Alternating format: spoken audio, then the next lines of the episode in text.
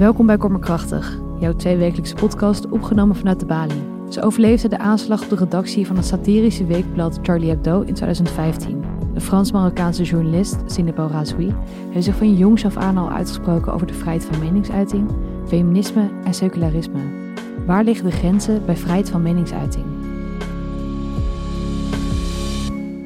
Mijn naam is Lindeen en eerst ga ik in gesprek met programmamaker Carlijn Sares.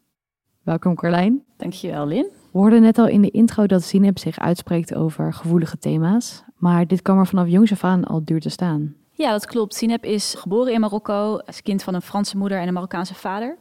Ze identificeert zichzelf als feminist en liep er al vroeg in haar leven tegenaan dat ze zich in Marokko beperkt voelde in haar vrijheid als vrouw en ook als journalist. Ze is journalist en voelde dat het lastig is om de persvrijheid uit te oefenen op de manier zoals zij dat graag wilde. Ze is ook een aantal keren opgepakt door de autoriteiten, heeft vastgezeten en op een gegeven moment heeft ze besloten om naar Frankrijk te verhuizen. En daar is ze dus onder andere aan het werk gegaan als redacteur van Charlie Hebdo. Ik denk dat iedereen zich het moment nog wel kan herinneren dat het nieuws binnenkwam over de aanslag in Parijs. Kun je me meenemen naar die tijd? Wat gebeurde daar? Ja, Charlie Hebdo staat bekend om uh, zijn spotprenten, voornamelijk. Dat is waar we het in, in ieder geval inmiddels van kennen. En waar het erg bekend door was, was een spotprent van de profeet Mohammed met op zijn hoofd in plaats van een tulband een bom. Het weekblad staat überhaupt bekend om felle islamkritiek, maar zeker die spotprent heeft gewoon heel erg veel stof doen opwaaien in de islamitische wereld.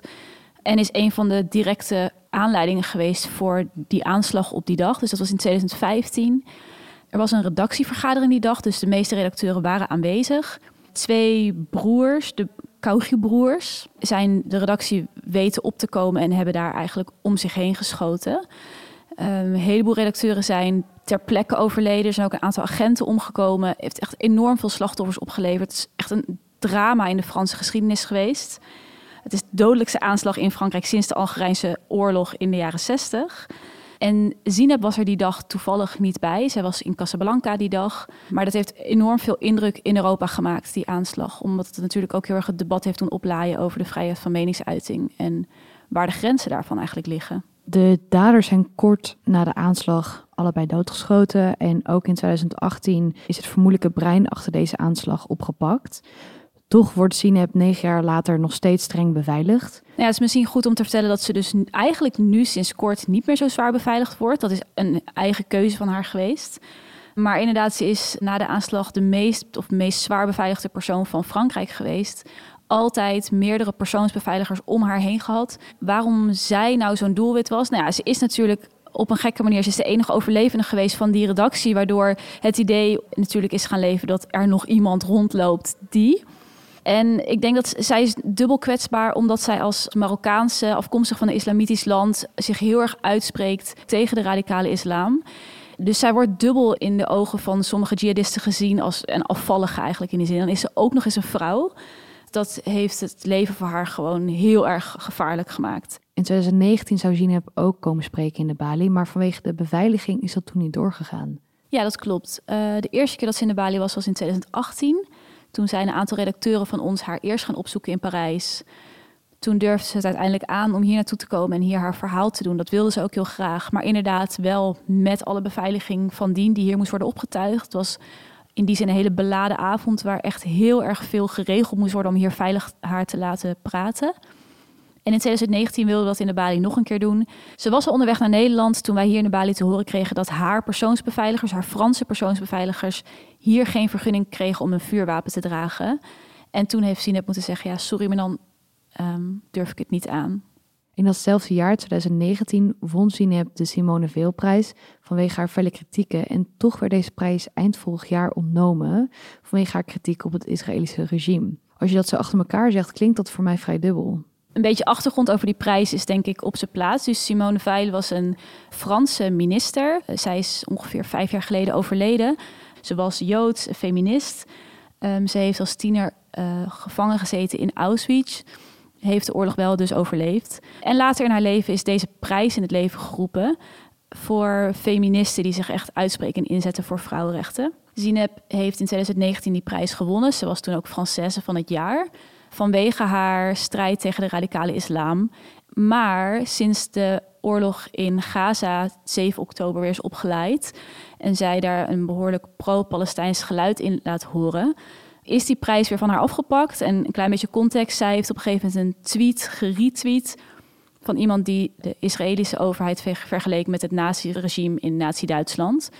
En toen heeft de kleinzoon van Simone Weil gezegd: Dit is een belediging voor mijn grootmoeder en ook voor alle Joodse mensen die de show hebben overleefd. Dus dit is de grens en die prijs moet van haar worden afgepakt. En dat is eigenlijk precies waar Zineb voor staat dat vrijheid van meningsuiting niet maar één kant op zou moeten gaan. Ze zegt daar in het programma: als de prijs betekent dat je alleen verontwaardigd mag zijn over de doden van 7 oktober, dus dan wijzen ze op de aanval van Hamas, en niet over die van 8, 9, 10 en 11 oktober en tot op de dag van vandaag, dan hoef ik die prijs niet meer. Uh, dus er zit een soort dubbelzinnigheid in het winnen van die prijs en het ook weer teruggeven. In het programma zegt ze ook: Nou, als dit de manier is, I'm happy to return it in a garbage bag. Waarom vond je het belangrijk om juist nu dit programma over haar te maken? Nou ja, we hebben Zineb dus eerder in de Bali gehad. En ik vond haar toen heel krachtig in haar verhaal over waarom het zo belangrijk is om altijd te blijven vechten voor de vrijheid van meningsuiting. En natuurlijk is de Bali de plek waar we altijd proberen het open gesprek toch te houden, ondanks de polarisatie in de samenleving en ondanks dat sommige onderwerpen moeilijk zijn om aan te raken. En dat merken we hier in de Bali op dagelijkse basis, dat het ook steeds moeilijker wordt om sommige onderwerpen open te bespreken. En mooi aan dit gesprek is, het is een gesprek over de vrijheid van meningsuiting. En ik denk dat dit gesprek een heel goed startpunt is, vertrekpunt is, om na te denken over hoe we met elkaar in gesprek kunnen blijven over deze oorlog, maar ook over andere moeilijke onderwerpen in het publieke debat. Dankjewel Carlijn. We gaan nu luisteren naar journalist Sineb El die ons vertelt waar zij de grens trekt met betrekking tot vrijheid van meningsuiting. Een gesprek gemodereerd door directeur van de Bali, Juri Albrecht. Welcome at the Bali. My name is Yuri Albrecht, uh, director of the Bali, and it's a great, great honor to once again engage in conversation with a woman whom I greatly admire for her fearlessness and courage. Zineb El Rhazoui, born and raised in Morocco, studied theological sociology, among others, and fled her country uh, due to discrimination against herself as a woman and the censorship imposed on her as a journalist. Once in France, she worked, among others, as editor of the satirical magazine Charlie Hebdo, and one of the sole surviving editorial members of that uh, editorial board. Um, she survived the terrorist attack of 2015. She became one of the most heavily guarded residents of France. She never stopped from speaking out passionately on the dangers of radical Islam, universal human rights, feminism, and the right to the freedom of speech. And this year she lost uh, the prestigious Simon Veil Prize, which was given to you in 2019. It was given to you of your fight against radical Islam and revoked by being outspoken on the war in Gaza. If anybody, anybody has the right to talk about freedom of speech, it's most probably my guest tonight, who made many, many sacrifices, personal sacrifices, to be able to raise your voice. So if I may say so, give a very, very warm applause to Zineb El Rhazoui, please. you don't have that many escorts as you had last time. Is that because you're more safe? Or is that because you decided not to? I hope I'm more safe. I hope I'm safe, and I hope that everyone is safe. But uh, I, I just, I was tired of that. I felt the need a few months ago to just walk alone freely uh, in the world. And uh, I also uh, did a lot of um, introspection work uh, these last uh, years, and I understood that security is something that you can find inside you. It's a feeling. It just gave me the courage to uh, start um, feeling safe without security protection because it's not it's not a life you know sometimes you just need to to be free same with for instance you know when this war started for me, it was extremely, it took me time to speak publicly. In the beginning, I just wanted to stay away from uh, the horrors that we were attending since, uh, since that day, since October 7th. It took me almost a month to find the courage to come back again to the public speech in France because, you know, I was taught as a French citizen that this is the country of human rights and this is a civilized place. But I was attending for a month people explaining that kids are not the same, that victims don't have the same value, that uh, uh, victims of October 7th, they worth our solidarity and they worth the condemnation, but the victims of October 8th, October 9th, October 10th, October 11th, 12, 13, till today, mm-hmm. they don't deserve this same humanity.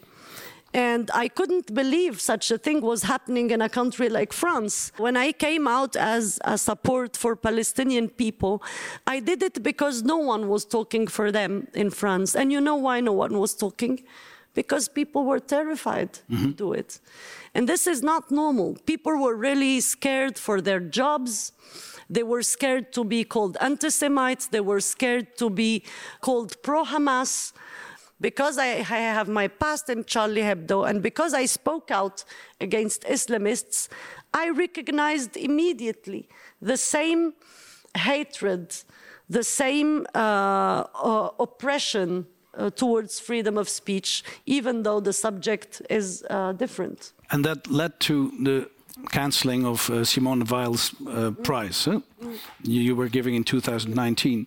They said, among other reasons, but they said that was because you retweeted something uh, which called the uh, Israeli state a Nazi state.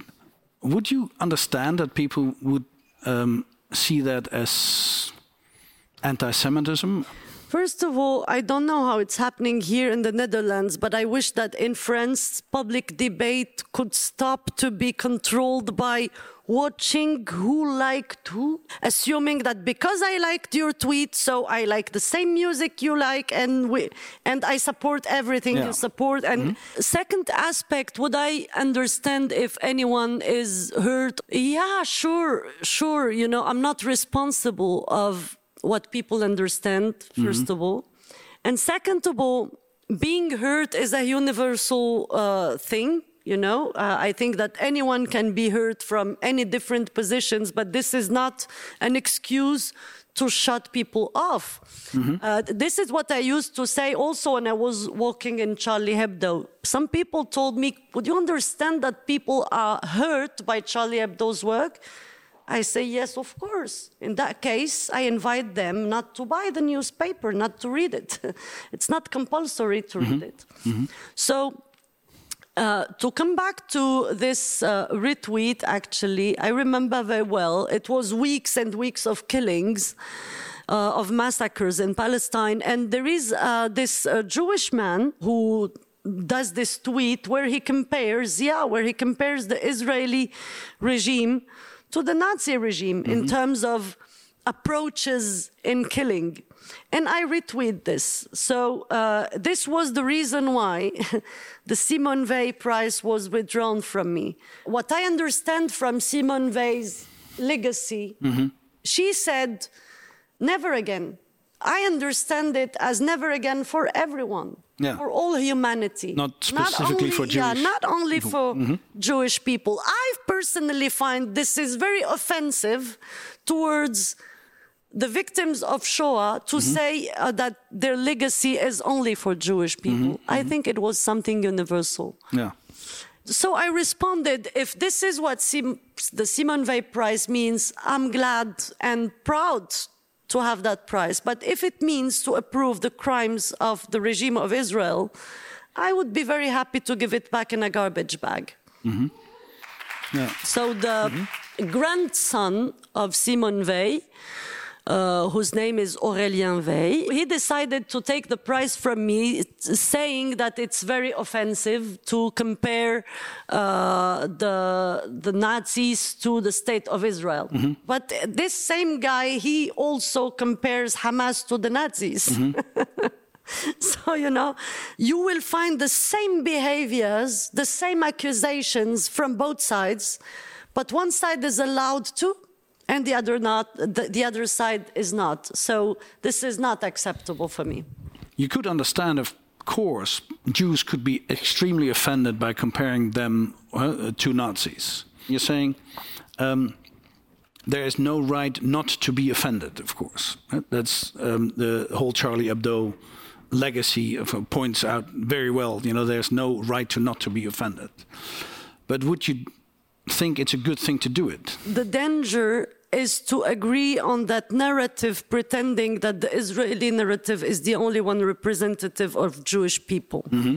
And when there is a tweet, a person, whoever criticizes the Israeli regime and compares it to whoever what, this is this doesn't mean comparing Jewish people because mm-hmm. there are a lot of Jewish people who don't approve the Israeli narrative, who, no. are not even Israeli, who didn't vote for Netanyahu and uh, Smotrich and those people eh, who don't feel represented by them. When I worked in Charlie Hebdo, some people said, don't you find offensive to compare, uh, to say that, to compare Islam to ISIS? Mm-hmm. I say uh, for sure it's not the best image of Islam, but the image is given by ISIS people, not by those who make a cartoon of the of the whole situation. So, I think that uh, Jewish people who are sincerely concerned about their own situation, but by also but also by other people's situation, should be offended by the image given of them by Netanyahu and Smotrich, mm-hmm. who are killing in their name, who are committing massacres in their name. I don't think the problem is me who is tweeting about that. I'm, I'm, not killing anyone. I'm only a person who gives an opinion. The most offensive stuff is the stuff happening in the name of Jewish people by a radical far right Israeli government mm-hmm. who is massacring civilians since you... more than 100 days now. I've been observing dissident Jewish voices around the world who are against the state of Israel, who don't approve mm. the, the occupation and the colonization policy. Those people actually, they are being attacked extremely aggressively by pro-Israeli uh, trolls on social medias. I don't find this normal that in France, for instance, and everywhere in the West, they try to pass laws to say that criticizing Israel means being anti-Semitic. This will be the first time in history where we will have a state officially protected from criticism what is that? I mean, is that will this still be a democracy? Mm-hmm. Uh, I don't think that anyone should accept that, and Jewish people in the first place.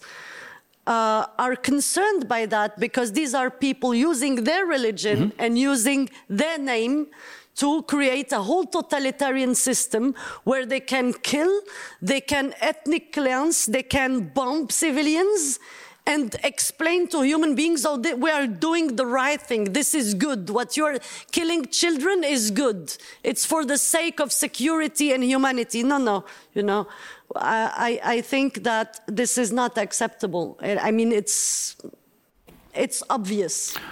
Putting the Jewish people and the Israeli people together, I mean, that could be interpreted as anti Semitism, couldn't it? It's not me who is uh, making the amalgam between Israel and Jewish people. The main problem of the state of Israel for me, it's not uh, the fact that it's a state for a majority of Jewish people.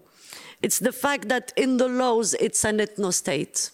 And for me, ethno states means the negation of democracy.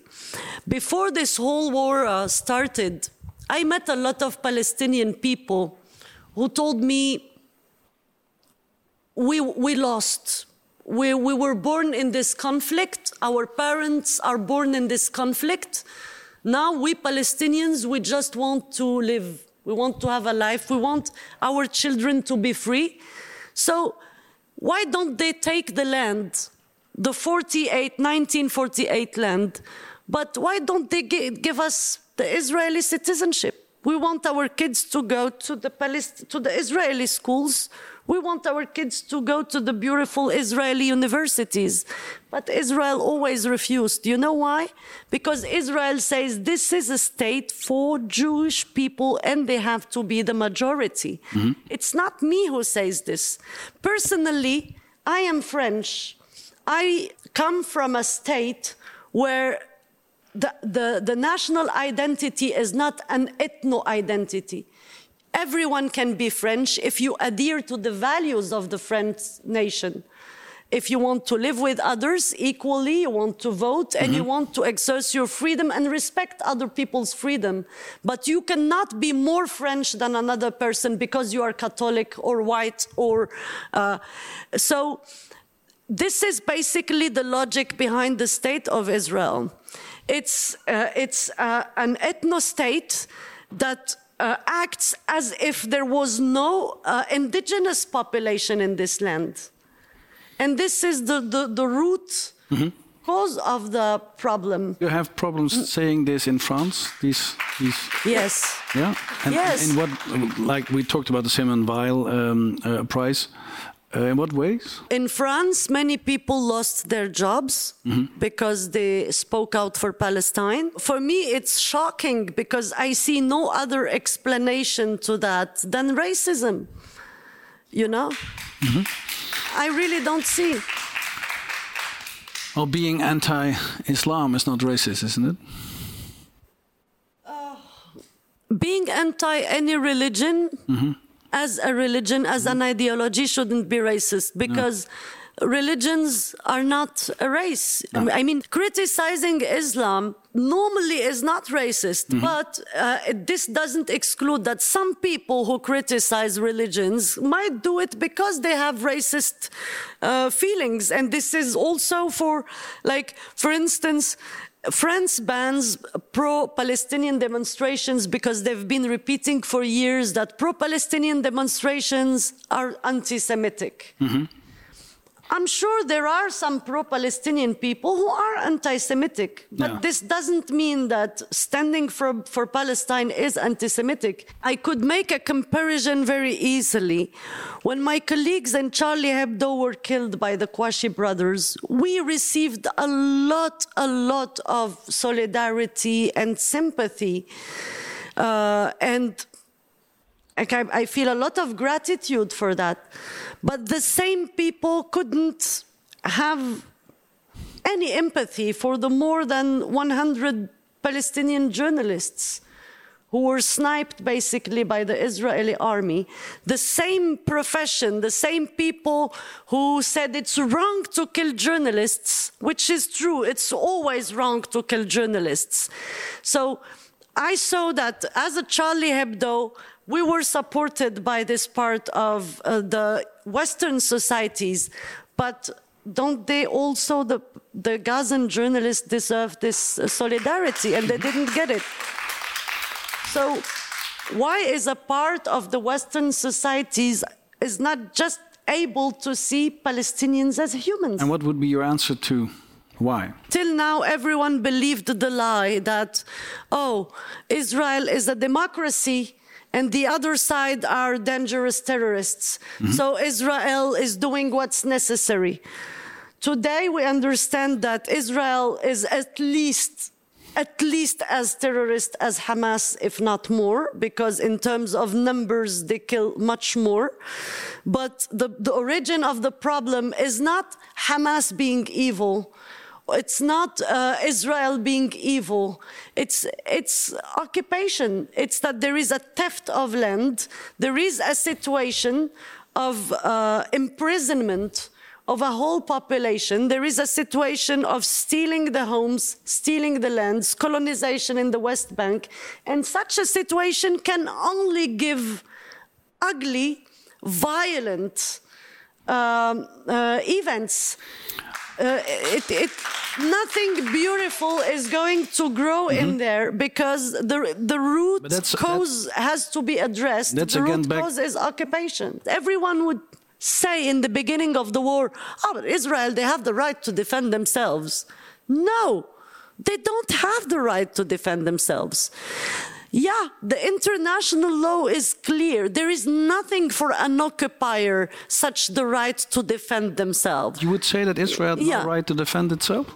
No, people who are under occupation by the international mm-hmm. law have the right to resist by the means they have, including So, so would you say Inc- that the state of including Israel- military means. that the state of Israel should be waiting to get a, ne- a ne- next attack, or how do you see that? The state of Israel should abide by international law if they don't want any resistance. So- when France occupied Algeria for 130 years, when the Algerians started their war of liberation in 54, of course the French called them terrorists. And of course the Algerian resistance killed uglily and killed some people who were French citizens and who were nice people and who didn't deserve to die. Like the like the citizens of the kibbutzim who were killed. Like the children, basically, mm-hmm. from both sides. Mm-hmm. Who can agree with killing a civilian?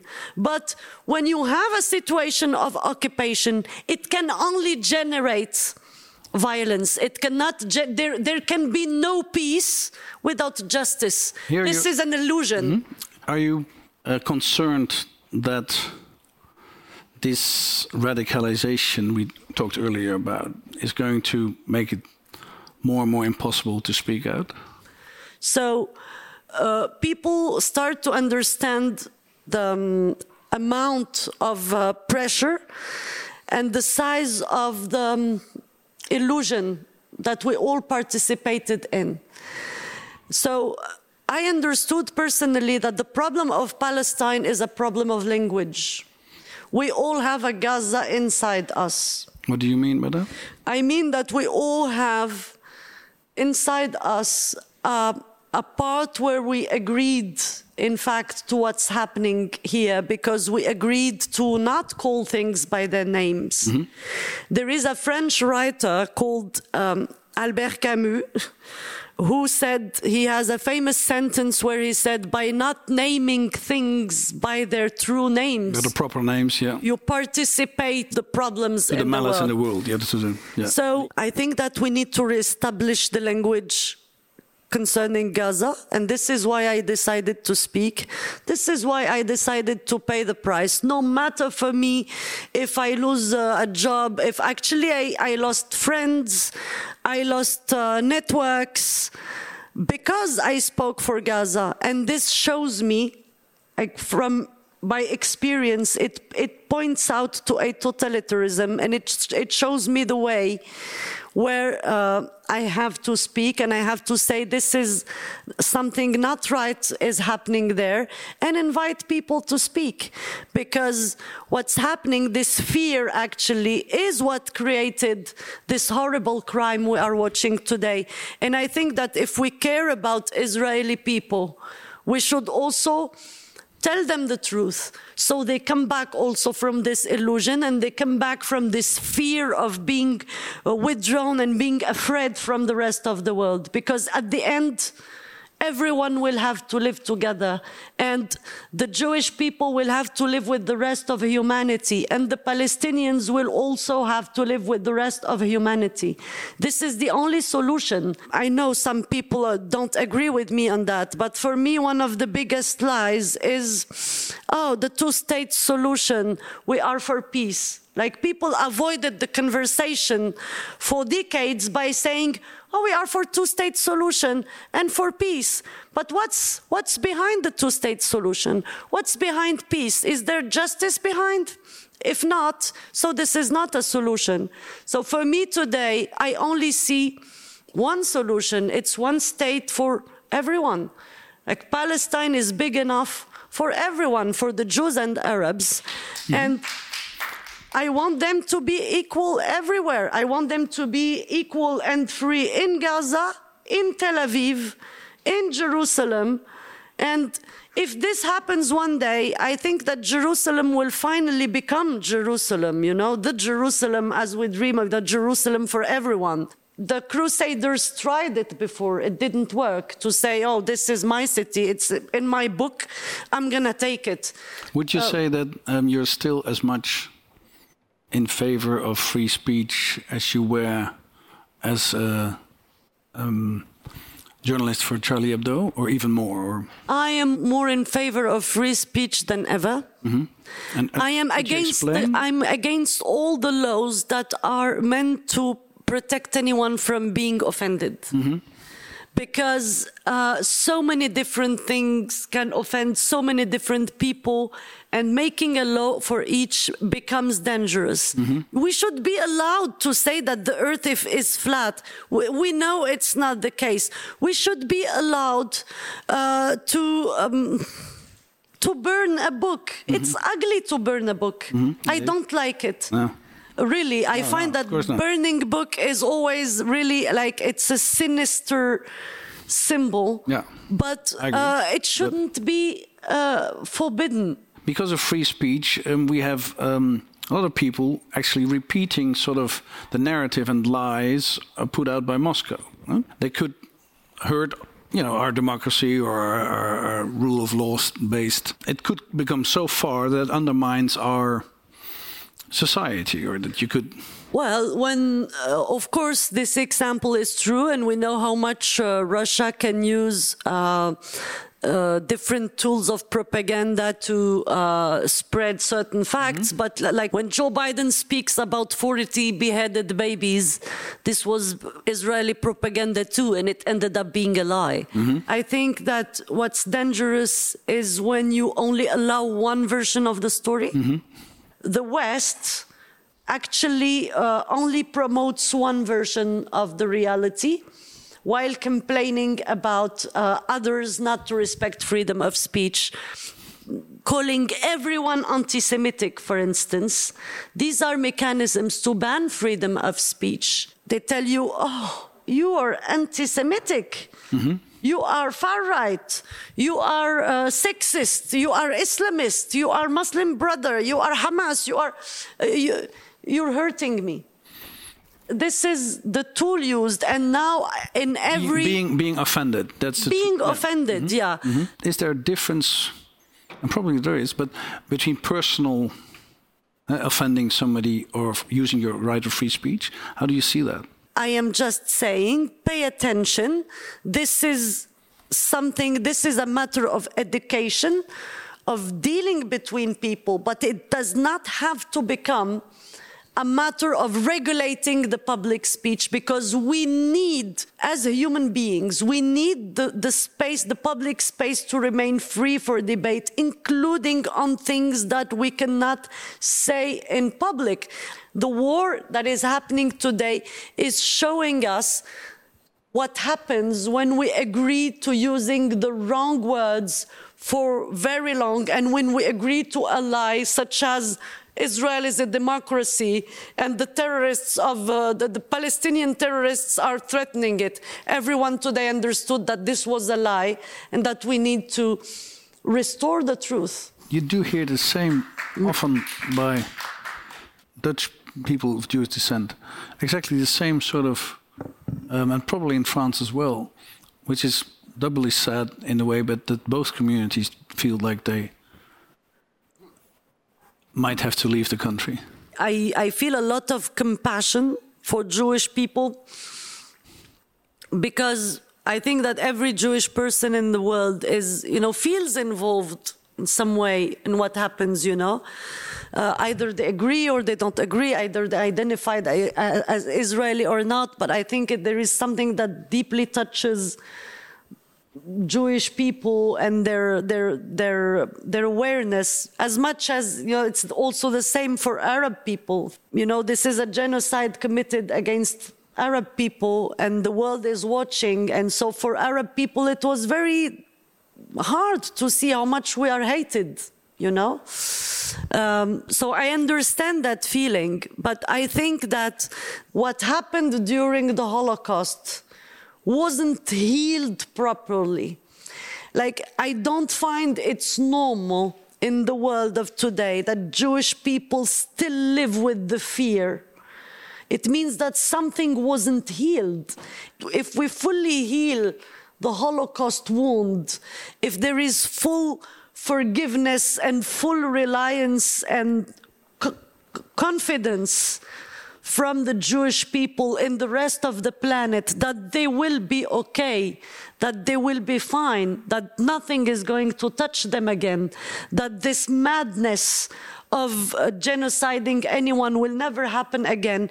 People will finally maybe relax and just drop the walls and drop the security and just live together. I think that Jewish people are still deeply traumatized. And if you are coming with a whole state project that is built on the trauma, on the fear, you can only uh, contaminate all the surrounding with that fear. This fear needs to be addressed. I think that Jewish people should be safe and feel safe everywhere in the world and they shouldn't need they shouldn't believe in this lie that actually by locking themselves in a state in the middle of people who are not friendly to them. And I understand those people in not being friendly to such a project. I mean, such a project will never work. The only solution is true brother, is true brotherhood between people. And it's just humanizing the others and understanding, you know, the Israeli people should only understand that the horrible suffering they have had does not give them more rights uh, on this land than anyone else, and than the indigenous people particularly. Zineb El Rhazoui, thank you for coming here. Thank you for speaking to us. Thank, thank you for, for listening uh, to me. It's obvious that free speech is not for the faint-hearted. Uh, it's an important thing. It's a difficult thing. Thank you very much.